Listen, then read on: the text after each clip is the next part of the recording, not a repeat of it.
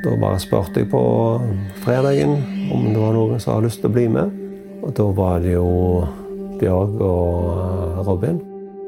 Seint i januar 2021 drar tre av Forsvarets ansatte ut på en treningstur over fjellet Borga på Jan Mayen. På veien hjem blir underlaget brått revet vekk under fotene deres. Rekker så vidt å bare ta et skritt til, så kjenner jeg bare at eh, beinet blir skudd vekk under meg. I samme sekundene så visste jeg at det var et snøskred. At vi sklei ned igjennom. Når skredet endelig stopper, er alle spor etter dem viska ut. Hør skredet på Jan Mayen i våre historier.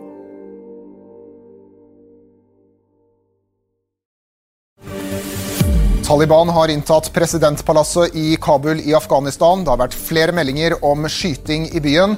Korrespondenten vår kunne melde om kaotiske tilstander i dag.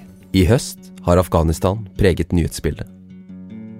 Det du hørte, var fra Dagsrevyen midt i august. Etter 20 år trakk de allierte styrkene seg ut, og i løpet av kort tid tok Taliban igjen makten i landet.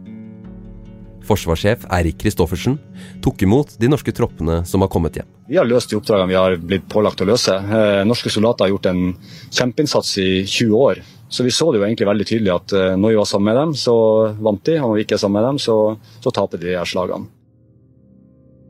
Det er 2001. Verden som vi kjente den, var plutselig totalforandra. På direkten ser verden hjelpeløst på at to kaprede fly styrer målrettet inn i tvillingtårnene i New York. Menneskene i kontorbygningene prøver å komme seg ut. I ren desperasjon hopper noen rett ut i løse lufta. Bilder av mennesker som faller i døden, støvet som brer seg utover Manhattan etterfulgt av uendelig støy av sirener, alarmer, mennesker som roper. Det uangripelige USA hadde blitt angrepet på egen jord. 20 år senere, altså nå for ikke så lenge siden, bestemmer USA at de skal avslutte krigen i Afghanistan. De skal hjem. Det norske forsvaret har vært der like lenge som amerikanerne. Når de drar, må vi gjøre det samme. Og for et par uker siden var de siste norske styrkene tilbake på norsk jord. Hvorfor var vi der? Og hva var oppdraget vårt? Vi må tilbake i tid for å forstå hele bildet. Helt tilbake til 2001. Når du sitter i et sånt fly og sitter baki der hvor jeg satt, så ser man ingenting. Det, da, da, er det mørkt. Uh, og så skrudde flyet seg ned, som vi sier. altså de Pga. trusselen så kom de inn over flyplassen, og så gikk de sirkler ned, landet. Uh, og så går den baklemmen eh, ned. Og da er, det, da er det helt mørkt. Dette er vi lander på en mørk flyplass. Når vi har gått av og fått av eh, utstyret, kassene og bagene våre osv., så, videre, så flyr flyet igjen, og da er du liksom aleine på rullebanen. Han du hører, er marinejegeren Christian Harstad. Han var en av de første norske soldatene som landet i Afghanistan i 2001. Når det ble snakk om at spesialstyrkene skulle inn, så fikk jeg en telefon om jeg kunne tenke meg å komme tilbake til spesialstyrkene, og eh, spurte om jeg kunne være en del av det styrkebidraget som skulle sendes til Afghanistan. Det, da var jo Afghanistan, et, eh, i hvert fall for min del, og egentlig for eh, de fleste, vil jeg tro, et, et veldig ukjent land, som vi visste veldig Jeg visste lite om det.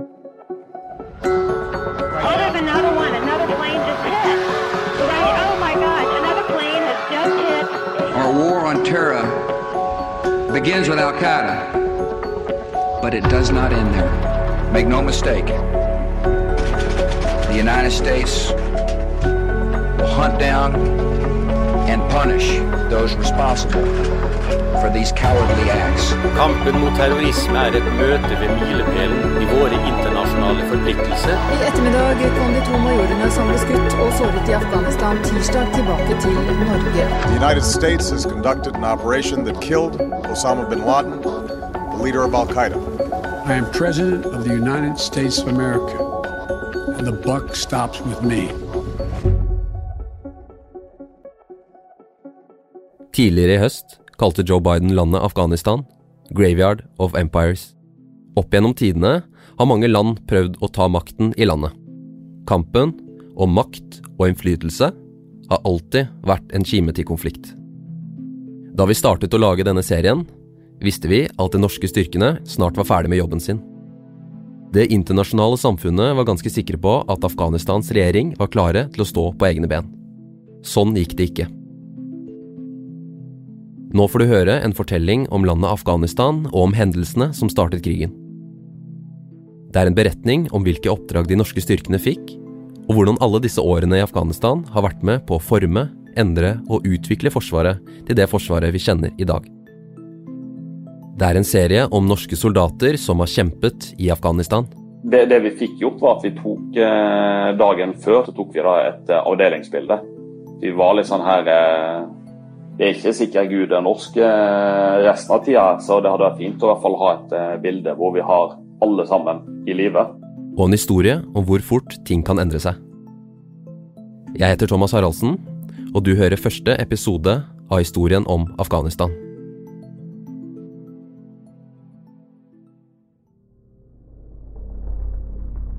Jeg skjønte ikke hva som skjedde.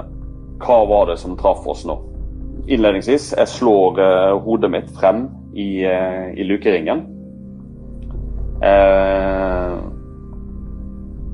det er en stor smell, det blir masse røyk. den her sanden som begynner å sette seg overalt i øya. jeg sliter med å se skytteren min inni vogna pga. at det er så mye sand og røyk i vogna etter eksplosjonen.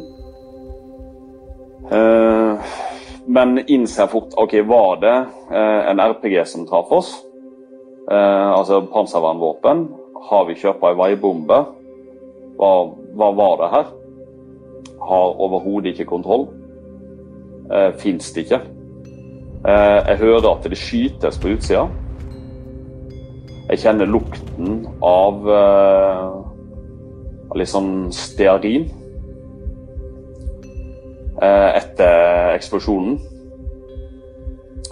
Um, videre så får jeg den der uh, metallsmaken i munnen. Og identifiserer at jeg har blod i munnen. Dette er Stian Moe. Han var offiser i Telemark bataljon og forteller om hva som skjedde på et oppdrag i 2010. Det får du høre mer om senere i serien. Men altså, tilbake til nå i høst. Fortere enn ekspertene hadde trodd, tok islamistene i Taliban igjen over makten i Afghanistan. På bare noen dager mistet det som skulle være en sterk regjeringshær, kontrollen i hele landet. Den afghanske presidenten rømte. Provins etter provins overga seg. Selv Kabul, hovedstaden, falt uten særlig motstand. Fra presidentpalasset kunne man høre soldater fra Taliban synge.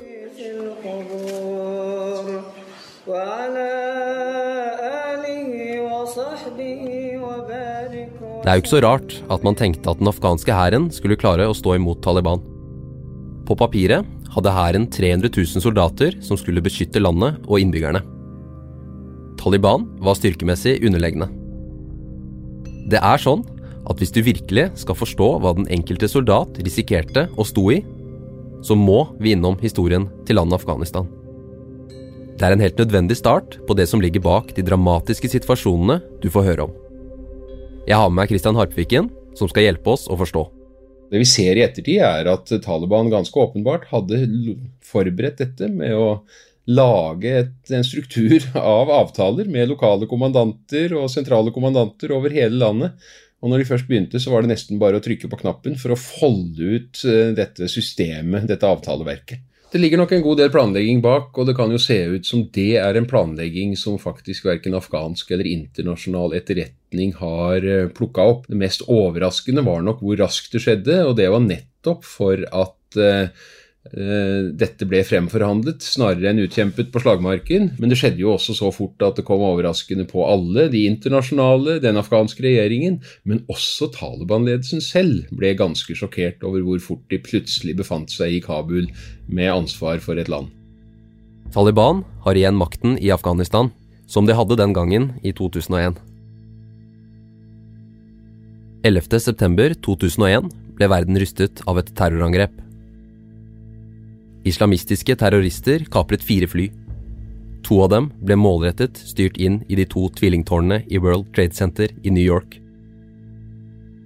Det tredje rammet Pentagon i Arlington, Virginia.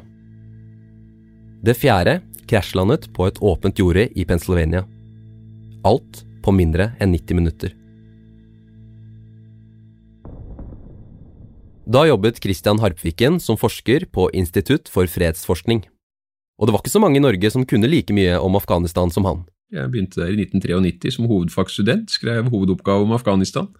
Da hadde jeg allerede jobba noen år med Afghanistan, men det kunne like gjerne blitt et annet sted, det innser jeg i ettertid. Og det var ikke mange som anbefalte meg å bruke tida mi på Afghanistan på 1990-tallet, for det var ikke et land som eh, var sentralt i verken det norske eller det internasjonale nyhetsbildet. Viste seg jo det er jo tilfeldig, selvfølgelig. Jeg kunne heller ikke forutse det. Men, eh, men eh, etter 11.9 så var jo det en kunnskap som, eh, som, mange følte at det var behov for. 12.9 så gjorde jeg et intervju på Radio Rakel klokka halv sju om morgenen. Og etter det så gjorde jeg vel egentlig ikke noe annet de neste tre månedene. Bare noen dager etter angrepet sa George Bush, presidenten i USA, at amerikanerne skulle ta de ansvarlige. Make no mistake. The United States will hunt down and punish those responsible for these cowardly acts. Idet flyene krasjer inn i tårnene, stopper hele verden opp. Da støvet la seg, var verden forandret. USA, den store, trygge, uangripelige supermakten, er under angrep. Amerikanerne ønsker hevn.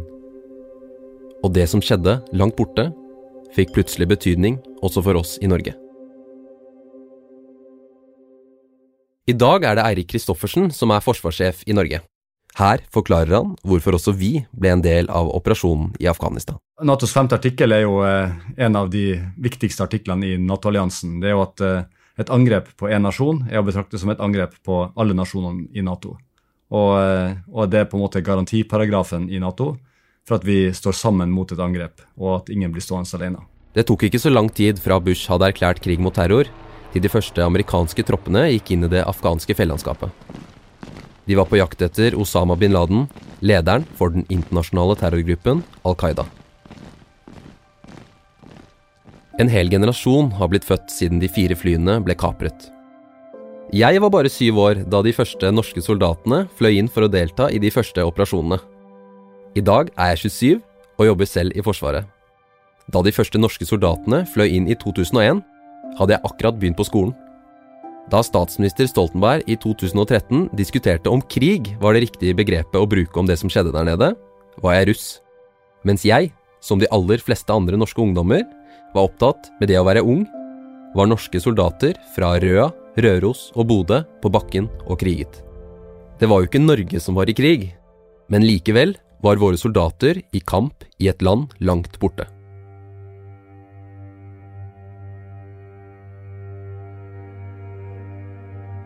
Området Afghanistan ligger i, har vært preget av konflikter og kriger helt tilbake til Alexander den store. I tusenvis av år har imperier kjempet om å kontrollere landet, som blir beskrevet som et slags veikryss. Et lappeteppe av etnisiteter og ulike klaner. Pashtunerne er kanskje opp mot halvparten av befolkningen. Eh, så har du tajiker, du har usbeker, du har hazaraer, og du har en rekke andre mindre befolkningsgrupper. Her er Harpviken igjen. Afghanistan er jo sammensatt på så mange måter, og det er en av grunnene til at å gi en sånn konsis, enkel konfliktanalyse av Afghanistan er utrolig vanskelig. Det her er det ikke gruppe A mot gruppe B. Eh, etnisk eh, sammensetning er veldig viktig. Så har du religiøse forskjeller, ikke minst mellom Shia og Sunni. Så har du geografiske forskjeller, og så har du sterke spenninger mellom by og land. Du har kanskje sett det på film. Bilder av det skarpe fjellandskapet. Fjellkjeden Hindukush som i nordøst kolliderer med Himalaya. Nesten hele landet består av fjell. Høye, kalde og spektakulære. Med topper på opptil 7000 meter.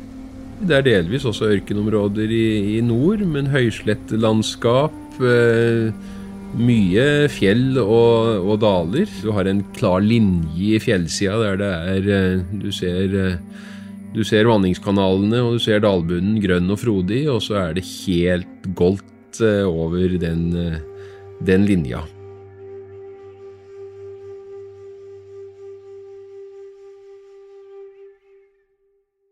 I stad nevnte jeg begrepet Graveyard of Empires. På 80-tallet hadde russerne en rolle i spillet og krigen om makten i Afghanistan. Da denne krigen sluttet, tok Taliban makten i landet. De kom på banen i høsten 1994.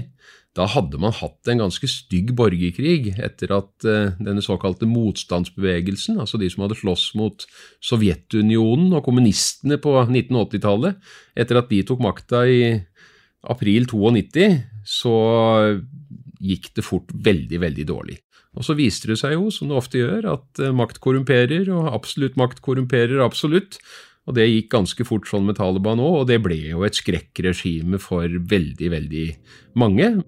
Taliban styrer etter en radikal tolkning av de muslimske sharialovene. Det var et brutalt regime. Kvinner hadde nærmest ingen rettigheter, selv små forbrytelser kunne bli straffet på grusomt vis. Stjal du, kunne du risikere amputasjon. Offentlige henrettelser var vanlig. Kontrasten ble enorm.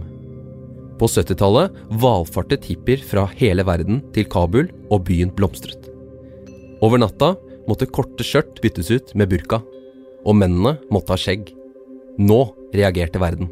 Så I 2001 så er jo Afghanistan på mange måter isolert. Det er utsatt for sanksjoner fra FNs side. De sanksjonene handler om Talibans støtte til terror, det handler om menneskerettigheter, ikke minst kvinnerettigheter, og det handler om narkotikaproduksjon. og Derfor er det et voldsomt trøkk på Taliban.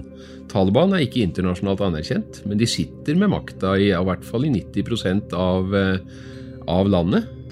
Og så er det jo ganske fattigslig, og det er et eh, veldig røft regime som bruker sin forståelse av islamsk lov, sharia-rett, og straffer folk knallhardt. Du kjører langs veien, kommer du til en, uh, kommer du til en sjekkpost, så henger det sånne trær med kassetteip, for musikk er bannlyst. Og de som spiller musikk, eller har kassetter i bilen, de blir uh, straffa med at de kassettene blir dratt ut. Drar man ut teipen og henger de på en stokk. Så disse kassetteiptrærne de var ganske dekorative, men fortalte jo også en ganske dyster historie om humørløshet og lite handlingsrom for folk flest. Afghanistan var skjøvet til side av det internasjonale samfunnet. Samtidig skjedde det ting i fjellene mellom Pakistan og naboen i vest. Taliban inngikk en allianse med den internasjonale terrororganisasjonen Al Qaida, og det som etter hvert skulle bli den mest ettersøkte terroristen noensinne Osama bin Laden. Osama bin Laden var en av de. Han var ikke den ledende i utgangspunktet, men i 1989 så begynte han å vokse fram eh, som den ledende skikkelsen. Og han hadde jo tilgang på penger, bl.a. gjennom en eh, familie formue, sjøl om de egentlig står veldig langt fra hverandre når det gjelder ideologi og målsettinger. Al Qaida eh, ønsker jo å skifte ut alle regimene i den islamske verden og for så vidt eh, spre islam ytterligere rundt på kloden. Taliban er egentlig bare opptatt av Afghanistan. Al Qaida er høyt utdannede leger og ingeniører og naturvitere. Taliban er enkle religiøse skriftlærde fra landsbygda i Afghanistan. Så det er ikke noe, er ikke noe natural bedfellows, eh, som eh, britene ville si. Det er noe helt annet, men det var et slags ekteskap av nødvendighet, for presset mot Taliban var så stort at de hadde egentlig ingen eh, andre venner. For Al Qaida var denne situasjonen perfekt. De fikk fred til å bygge seg opp og legge planer for internasjonal terror. Al Qaida har planlagt et stort terrorangrep. De har fått trent opp 20 av sine menn, som de fleste av de har vært i Afghanistan og fått trening der. Men de har også fått flytrening i USA. De kaprer regelrett fire passasjerfly over USA og retter de inn mot forskjellige mål. Det var jo symbolsk også et eh, voldsomt eh, angrep på USAs stolthet, rett i finanssenteret, rett i kjernen av metropolen New York og Forsvarsdepartementet. Så det skapte jo en, en, voldsom aggresjon, og jeg vil nok si at det skapte også en, et sterkt behov for hevn i den amerikanske befolkningen. Så alvorlig anstøt mot USA. Dette er jo et land som ikke har sett krig på eget territorium på hvor lenge som helst.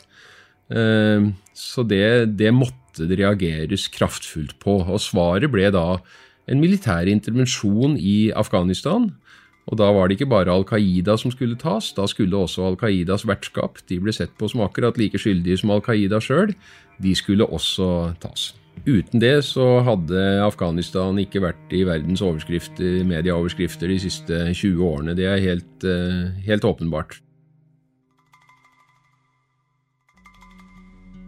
Den vestlige verden ble sjokkert av terroren. Verdens børser raste. Bensinprisene gikk i taket. Folk var redde. Et nytt fiendebilde ble skapt. Muslimer over hele verden kjente på sinnet som ble rettet mot dem. Luftfarten ble endret for alltid. Sikkerheten ble skjerpa. Før kunne man ta med seg det man ville av drikke inn på flyet. Nå skulle alle passasjerer skannes, screenes og sjekkes for eksplosiver og våpen. Amerikanerne er på offensiven. Harpiken forteller. Det skjer jo veldig fort. USA har nok ikke noen detaljerte angrepsplaner for å gå inn i eh, Afghanistan, men likevel så starter angrepet allerede 7.10. Altså tre og en halv uke etter terrorangrepet i USA. Amerikanerne ville rett og slett forte seg inn for å ta de ansvarlige, for så å komme seg ut. De ville bare sette et såkalt lett fotavtrykk. Nato sa umiddelbart at de sto last og brast med USA, men USA fryktet at alt byråkratiet ville komplisere og forsinke. Det hadde de ikke tid til å vente på. Amerikanerne trengte sin egen koalisjon. Denne ble Norge raskt en del av. The Operation Enduring Freedom var jo den amerikanskleda intervensjonsoperasjonen som var retta inn mot å ta ut eh, Al Qaida og ta ut eh, Taliban. Og det er omtrent da at marinejeger Christian Harstad, som du hørte helt i starten av episoden, forbereder seg. Han var en av de aller første norske soldatene som reiste. Når det ble snakk om at spesialstyrkene skulle inn, så fikk jeg en telefon om jeg kunne tenke meg å komme tilbake til spesialstyrkene, og eh, spurte om jeg kunne være en del av det styrkebidraget som skulle sendes til Afghanistan. Jeg husker at jeg fikk, eh, fikk da lov til å sitte oppe på hos Etterretningstjenesten og ble, ble fòret med, med, helt grunnleggende informasjon og begynte å lese meg opp på alt fra geografi til demografi og klaner og politikk og det ene og det andre. Så det var en, det var en veldig interessant, men veldig bratt læringskurve. Mot slutten av 2001 sitter Christian om bord et norsk Hercules-fly på vei til Kandahar, sør i Afghanistan. Når du sitter i et sånt fly og sitter baki der hvor jeg satt, så ser man ingenting. Det, da, da, er det mørkt. Uh, og så skrudde flyet seg ned, som vi sier. altså de Pga. trusselen så kom de inn over flyplassen, og så gikk de sirkler ned, landet. Uh, og så går den der baklemmen eh, ned. Og da er, det, da er det helt mørkt. Dette er Vi lander på en mørk flyplass. Det er ikke, det er ikke disse vanlige landingslysene som du er kjent med. Det er ikke opplyste terminalbygg osv. Det er helt køla mørkt. Et av de inntrykkene jeg husker, er Nå ligger jo Kandahar på slettelandet i sør i Afghanistan. Det ligger ganske høyt. Ehm, det ligger på 1000 meters høyde, så omtrent, omtrent på høyde med Hardangervidda. Og det er veldig tørr luft, veldig klar luft. Og, og da er det altså en helt eh, Det er en helt sånn formidabel stjernehimmel når, de, når man er i ørken. Eh, som man aldri ser eh, hvis man ikke er et sted hvor det ikke er lysforurensning. Når vi har gått av og fått av eh, utstyret, kassene og bagene våre osv., så, videre, så flyr flyet igjen, og da er du liksom aleine på rullebanen. Og jeg hadde med et lite telt, og jeg hadde med sovepose, liggeunderlag og vanlig, kan si, den, den grunnleggende feltutrustningen. Første natta så lå jeg på et gulv i, i, en, i si, det som ble kommandosentralen. da. Spesialstyrkenes forse og spesialitet er å gå tidlig inn i et konfliktområde. Det de kan gjøre, er å gå inn med små enheter, så sikre områder de tar kontroll. På den måten legger de til rette for at konvensjonelle, altså mer vanlige styrker, kan gå inn og operere. Her er Harpviken igjen. Det unike med spesialstyrkene er jo at de er, de er såkalt lett gripbare. De kan, de kan, raskt sendes ut. De står på en måte på beredskap eh, alltid. Eh, de er lette å flytte på, for de er, eh, det er ikke så veldig mange som skal til før at du faktisk har et militær bidrag som, eh, som betyr noe. Og de er relativt robuste, så de kan jo sjøl klare seg godt i, i, mange miljøer. Og de er også godt integrert med internasjonale kolleger. Det er en helt annen type nettverk i spesialsoldatmiljøene internasjonalt enn det er mellom andre militære avdelinger. Eirik Kristoffersen igjen. USA ba ganske tidlig om støtte fra norske spesialstyrker, fordi vi har jobba mye godt sammen med amerikanerne. De visste at vi hadde god erfaring i å operere i fjell og, og kalde forhold. Uh, og så var jo situasjonen sånn på Kandahar at det var et uh, veldig behov for å rydde miner. Det første norske bidraget på bakken i Afghanistan som faktisk gjorde noe, var de norske minerydderne, som kom ned jula 2001 og, og, klarerte flyplassen rundt Kandahar, der den gang brigader Jim Mattis var sjef, og han satte jo veldig pris på, på de norske minerydderne. Overgangen fra norsk vinterkrig og terrorberedskap i Nordsjøen var stor for de norske soldatene. Her er marinejegeren Christian Harstad igjen. Det som jeg vil si som vi ikke var så forberedt på, det var jo å operere i den typen miljø. Altså det, det har vært en, eh, naturlig nok, en voldsom utvikling fra 2001 og frem til i dag. Både med hensyn til materiell og tilpasset materiell og osv. Og det er jo naturlig, men bare, bare som, eh, som, et eksempel. Vi hadde uh, mobilt bærbart uh, sambandsmateriell som skulle kunne gi oss samband hjem. Det, den gangen så var ikke det verken så veldig, veldig mobilt eller så veldig bærbart. Pga. teknologi så var det stort og tungt. Se for deg, du har trent på nordiske forhold. Norske skoger og vinterlandskap. Nå står du på en ørkenflyplass i 40 varmegrader med akkurat det samme utstyret du hadde på deg i snøen på fjellet. Du er omgitt av sand, støv og varme.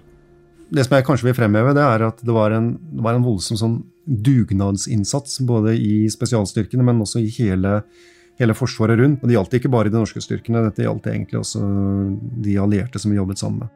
Der sto de. Spesialstyrkene måtte slå vilje og evne sammen.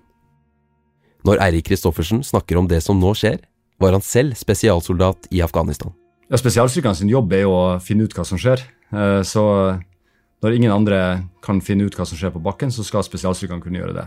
I tillegg så er de jo trent for å operere og klare seg sjøl eh, med minimalt med etterforsyninger, og det var det også behov for. Da var både spesialstyrkene utrusta og trent for å, for å, kunne løse sånne typer operasjoner. Opererte i fjellområder. Det var kaldt. Eh, det var faktisk eh, snø flere steder. Eh, vi hadde med oss hvit kamo, vi hadde med oss truga. Da utførte vi klassiske spesialoperasjoner, der vi overvåka områder. Eh, og så eh, undersøkte vi eh, bygg som var blitt eh, bomba, eller altså rett og slett Battle Damagement Assessment, og prøve å finne bevis for, for, de, for at Al Qaida sto bak angrepene mot, mot USA 11.9. Vi fant bl.a. husker et kart over Manhattan i en av de utbomba bygningen. Eh, det var det første oppdraget vi gjorde 15.1.2002. Eh, Og her starter det som skulle bli en langvarig klappjakt på bin Laden i Tora Bora-fjellene. Ny episode kommer neste torsdag. Abonner gjerne på historien om Afghanistan der du vanligvis hører på podkast. Historien om Afghanistan er en serie fra Forsvaret og er laget av Hege Svanes, Fredrik Tandberg, Anders Fjellestad, Renate Gjærald, Kristine Hellesland og meg, Thomas Haraldsen. Lydetterarbeid er av Fridtjof Nilsen, og lydklipp er hentet fra NRK og VG.